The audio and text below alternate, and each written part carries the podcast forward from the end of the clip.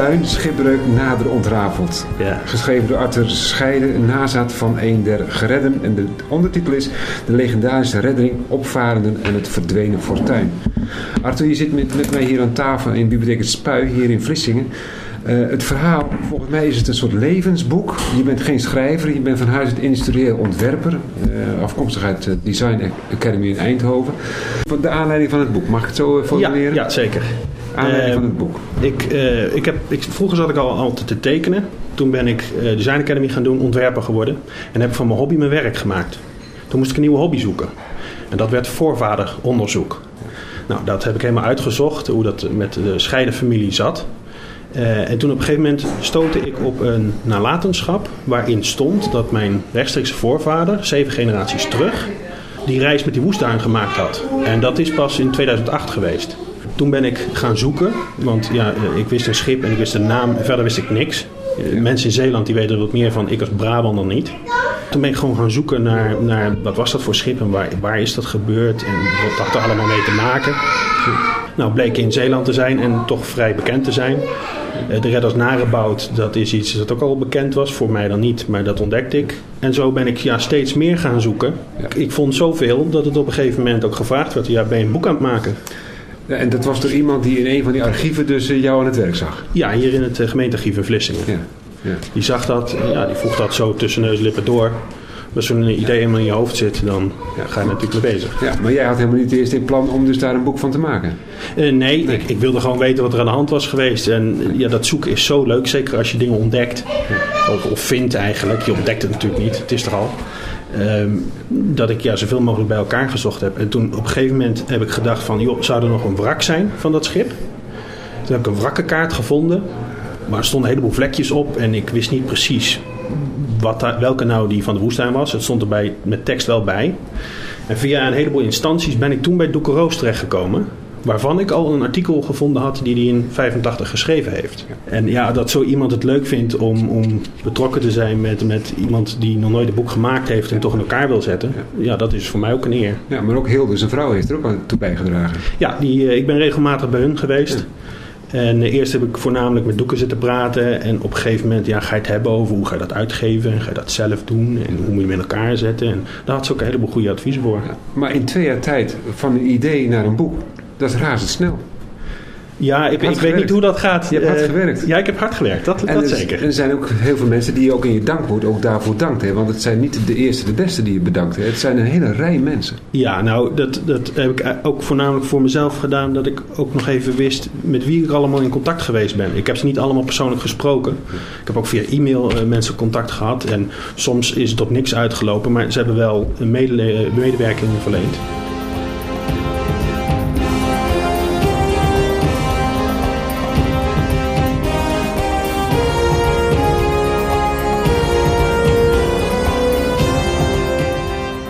Bijzondere aan dit boek is dat jij dus dat, dat helemaal die, eh, die schipbreuk hebt ontrafeld. Zelfs nog met een schat, maar daar zullen we het niet over hebben. Want dat wil je nog eventjes zo later. Ja. Maar ook de manier hoe je het boek vorm hebt gegeven met je achtergrond als industrieel ontwerper. Dus een, een niet geboren schrijver, maar een geboren ontwerper gaat een boek schrijven en ontwerpen. Ja, nou, mijn, mijn sterke kant op de academie was altijd wel het onderzoek. Dus daar zat al wel een beetje eh, de interesse. En ik heb inderdaad, ik heb, eh, alle, alle prenten die erin staan zijn historisch verantwoord. Een heleboel zijn ook kleurenversies van oude gravures die in 1779, 1780 gemaakt zijn. In een hele bijzondere, eh, realistische stijl. Eh, ja, nou ja, dat, dat is een beetje mijn stijl. Dat is jouw, dat is jouw handschrift eh, meer. Ja, ja inderdaad. Dus. Door die eenvormigheid krijg je dus één lange loop van het verhaal. Hè. Je wordt gewoon meegesleept in het verhaal. Ja, een soort prentenboek voor volwassenen eigenlijk. Een belangrijk element is eh, de opvarende lijst. Die je dus bijna compleet, of, ja, of het nou 131 was of 135. eh, eh, er zijn er vier kennelijk tussen wal en schip geraakt. Dat, dat zeg je ook op het eind van je boek. Ja. Maar je vertelt eerst nog eventjes, en dat wil ik voor de luisteraar nog eventjes naar voren halen. Het verhaal van de schipbreuk. Zet het eens even in de tijd. Want het was een, een, een volgeladen schip terug. En wat Ja, gebeurde er voor de VOC was men met een schip eh, maandenlang onderweg. Dus van Nederland naar Nederlands-Indië en weer terug. Dan was je zeker anderhalf jaar bezig. Eh, dat schip kwam vol beladen terug. Voer voor het eerst voor de Kamer Zeeland, want het was een Amsterdam schip. Voor de kust van Westkapelle is een vaargul, die heet nog steeds Durlo, in die tijd ook. Eh, en daar moest men doorheen varen om veilig bij Fort Rammekes te komen. Ja, met een aantal tonnen. Eh, die tonnen waren daar eh, neergelegd ter, ter navigatie. Ja. Eh, het probleem met de woestijn is geweest dat de Zeeuwse loods, die eigenlijk daar naartoe had moeten komen, aan boord had moeten gaan en dat schip veilig had moeten leiden, die zijn ze voorbij gevaren. Dus het begeleidend oorlogsvergat ter, ter beveiliging vanwege de handelswaar, die had een Tesselse loods aan boord. Die is aan boord van de woestijn gegaan. En die had 32 jaar ervaring, dus het was geen onkundige man. Maar hij kende de Zeeuwse wateren niet. Ja, en dan heb je een probleem. Op een gegeven moment is er nog wel gezegd van... Oh, we zien de branding, pas op.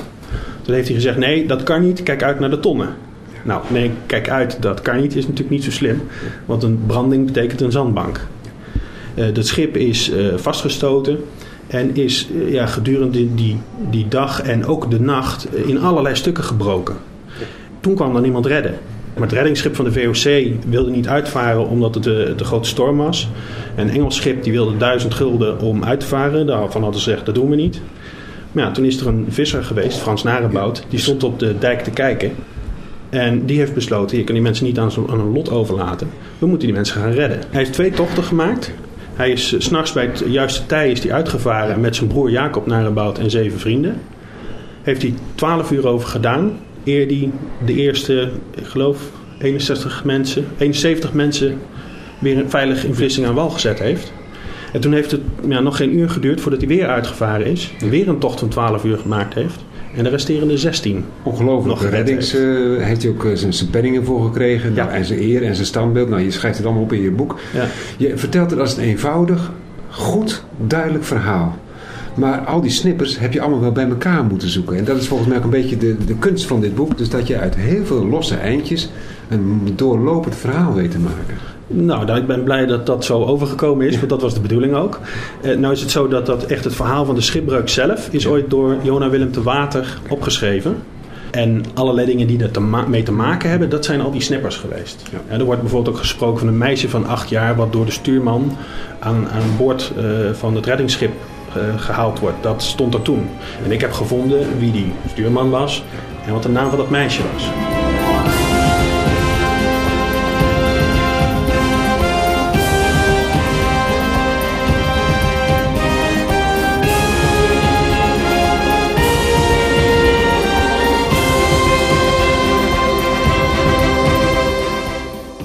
Je hebt, je hebt alle opvarenden, de geredden en de niet geredden. Want er zijn ook een aantal overleden natuurlijk. En Ja. dat is ook alweer een bijzonder verhaal over die Engelsman... waar we het misschien nog even over zullen hebben. Ja. Die heb jij dus een gezicht gegeven en een verhaal gegeven. Dus die heb je verdiept. Ja, van de opvarenden. eh, wat er in de archieven nog terug te vinden is, zijn de mensen die uitgevaren zijn met VOC-schepen. En niet zozeer waarmee ze teruggekomen zijn. Dat was er vroeger wel, maar dat is weggegooid. En ik heb eigenlijk eh, de 50 jaar voorafgaand aan de schipbreuk al dat uitvaren gekeken of welke schip ze terugkwamen. Ja. Want nu gaan we verder naar de compositie van je boek. Want je vertelt het legendarische verhaal. Eh, dan ga je verder met eh, de, de lading en het schip en de reddingsschuit. Hè? Waarom zo bijzonder om daar een speciaal hoofdstuk aan te wijden? Ja, in het begin wist ik ook niet zoveel van de VOC, hoe dat allemaal zat met die schepen, wat voor schepen dat waren. En dan zei ik wel spiegelretourschip. Aan wie je dat dan vertelt, die zegt ja, eh, jij weet wat dat is, maar het zegt mij niet zoveel. Dus ik dacht, het is goed om ook even uit te leggen wat zo'n schip ongeveer was, hoe groot dat was, wat voor soorten er waren. Ja. En, en die reddingsschuit, daar heb ik dan ook weer verhalen bij gevonden, dat die later ook nog eens een keer gebruikt is bij een reddingsactie. Dus je zet eigenlijk het hele verhaal van die woestijn, woestduin schipbreuk in een perspectief, in een historische achtergrond, in een context. Ja, ja. Zodat het een, een beetje de lezer ook eh, niet alleen maar, alleen maar om dat ene schip gaat, maar ook alles wat er een beetje mee te maken heeft. En later focus je in op de schipbreuk zelf en de schuldvraag en dergelijke. Want dat is ook belangrijk, hè? de schuldvraag bij een schipbreuk. De loods die uit Texel kwam, ja. die heeft de schuld gekregen. Die, eh, eh, waarvan is gezegd dat hij gegezeld en gebrandmerkt is. Doeke Roos heeft dat in dat artikel in 85 ook al over geschreven. En ik heb daar nog de exacte bewoordingen bij gevonden.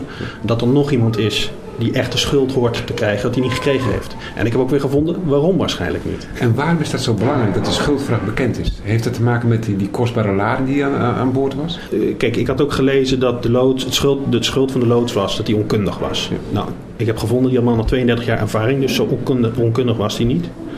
En Doek had erop geschreven dat er nog iemand was. Ja, dan raak ik geïnteresseerd. En het is mijn hobby natuurlijk. Dus dan wil ik het ook weten ook. Ja. Dus jij gaat echt alles langs. Dat, dat laat je ook zien. Hè? Je bent niet alleen in het binnenland geweest in het Nationaal Archief, hier Zeeuwse Archief, uh, bibliotheek, weet ik veel wat. Zelfs tot het buitenland toe. Ja, en, zelfs zo, uh, twee vrienden van me, uh, Jon en Chris, die gingen op vakantie naar Mauritius. toevallig ja. dat ik daar net iets gevonden had in het archief van Mauritius qua indicatie dat daar te vinden was. En ze zijn voor mij daarheen gegaan en hebben daar foto's van gemaakt. Ja, en de bewijzen ook daar gevonden? Dat die, die, die Engelsen op een ander schip aanwezig waren. Ja. Dat klinkt een beetje cryptisch, ja. maar... Maar toch heb jij uh, dit allemaal in je vrije tijd gedaan. Want je, je bleef natuurlijk normaal je werk doen. Dus dat moest allemaal tussendoor. Of heb je vrij afgenomen? Nee, ik, ja, ik ben freelancer. Dus dan kan je een beetje schuiven met projecten. En uh, als je dan wat meer tijd hieraan besteedt... dan moet je in het weekend gewoon doorwerken. Ik zit meestal gewoon zeven dagen te werken. Ja. Maar ik, iemand heeft het vroeger wel eens mooi uh, omschreven. Mensen hebben dromen. En er zijn mensen die blijven dromen en er zijn er mensen die laten opblijven en ervoor zorgen dat het werkelijkheid wordt. Ja, dat ben jij dus. In dit geval wel, ja. ja. ja. Want je kwam hele leuke dingen tegen. Hè? Uh, de schipbreuk heb je gehad, het, perso het persoonlijk schrijven, Bruistens, hè? die predikant uit Middelburg hè, onder andere. Maar je focust ook in op jouw familie scheiden. Want dat was natuurlijk ook een beetje, dat wilde je iets meer van weten. Je was een van de nazaten van de van een van de Van een matroos, ja. Van een matroos. En uh, ook op advies van Doeken heb ik dat niet uitgebreid gedaan. Ik heb het bij twee pagina's over mijn familie gehouden. Want het gaat tenslotte niet over mij, maar over de schipbreuk. Ja. Uh, maar zijn broer, uh, zijn oudere broer, dus hij heette Adriaan en zijn broer heette Johan Frederik. Die heeft ook een beroemde schipbreuk meegemaakt. Ja. Op de, de Leimuiden. Dat is dan negen jaar eerder. Ja. En die is bij Boa Vista vergaan en daar zit ook een mooi verhaal omheen. Ja.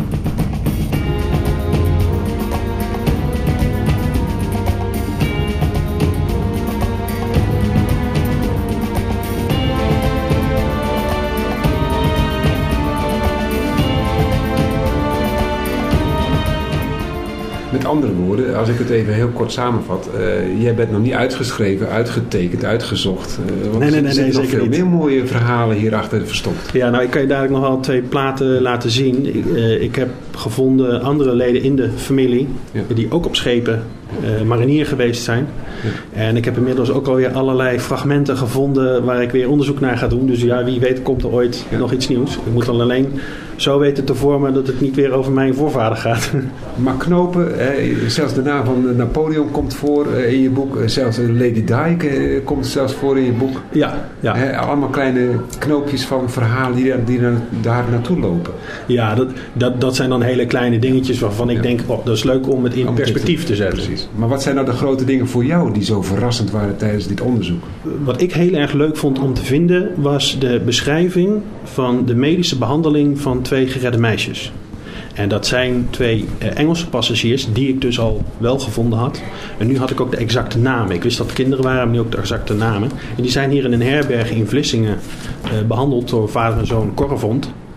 Ja, en die hele behandeling is beschreven. Dus die heb ik er ook in gezet. En dat, ja, dat was voor mij eigenlijk... Uh, ja, een stukje goud aan ja, informatie. Maar je hebt een prachtig plaatje ook gemaakt. Maar hoe kom je dan aan, die, aan, aan het beeld van het meisje wat in bed ligt en verzorgd wordt door die... Uh... Nou, dit is eigenlijk het enige fantasieplaatje wat in het boek staat. Dus ja. het is heel mooi dat je het eruit pikt. Ja. Uh, het is wel gebaseerd op een foto die gemaakt is in het gasthuis.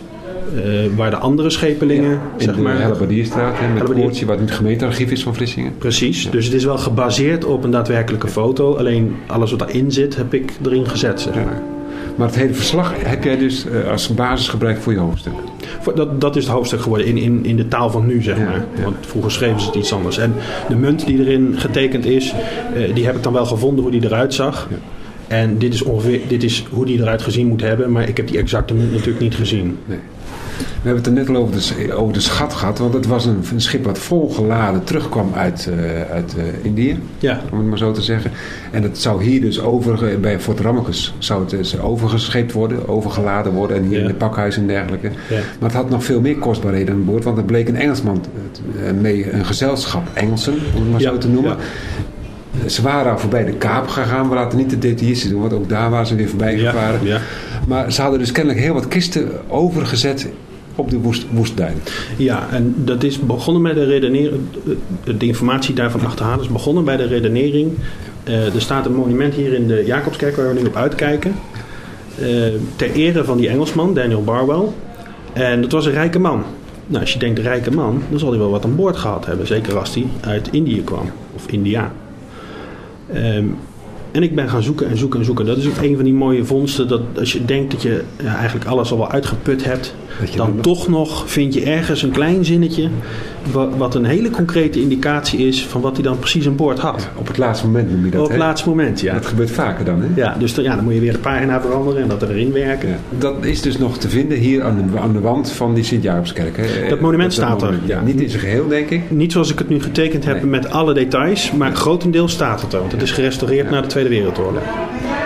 Smaakt dit naar meer? Want ja, het- ik even, moet even die vraag afmaken van die schat. Want eh, hij had een heleboel eh, bij zich. Je wilt het niet helemaal onthullen, hè, want Nee, dat zou, dan zou de kloek weggaan. Beetje een verrassing Ze, ze moeten het boek kopen. Hè, vooral. Ja, het liefst wel. Want het is vanaf vandaag ook in de boekhandel gewoon. Hè? Ja, een drukkerij in Middelburg en hier in Spui in Vlissingen. Ja. En het museum is het ook te krijgen. is ook te krijgen.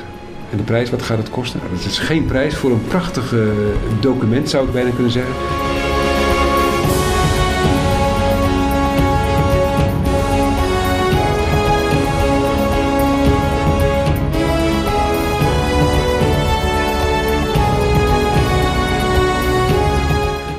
Smaakt naar meer.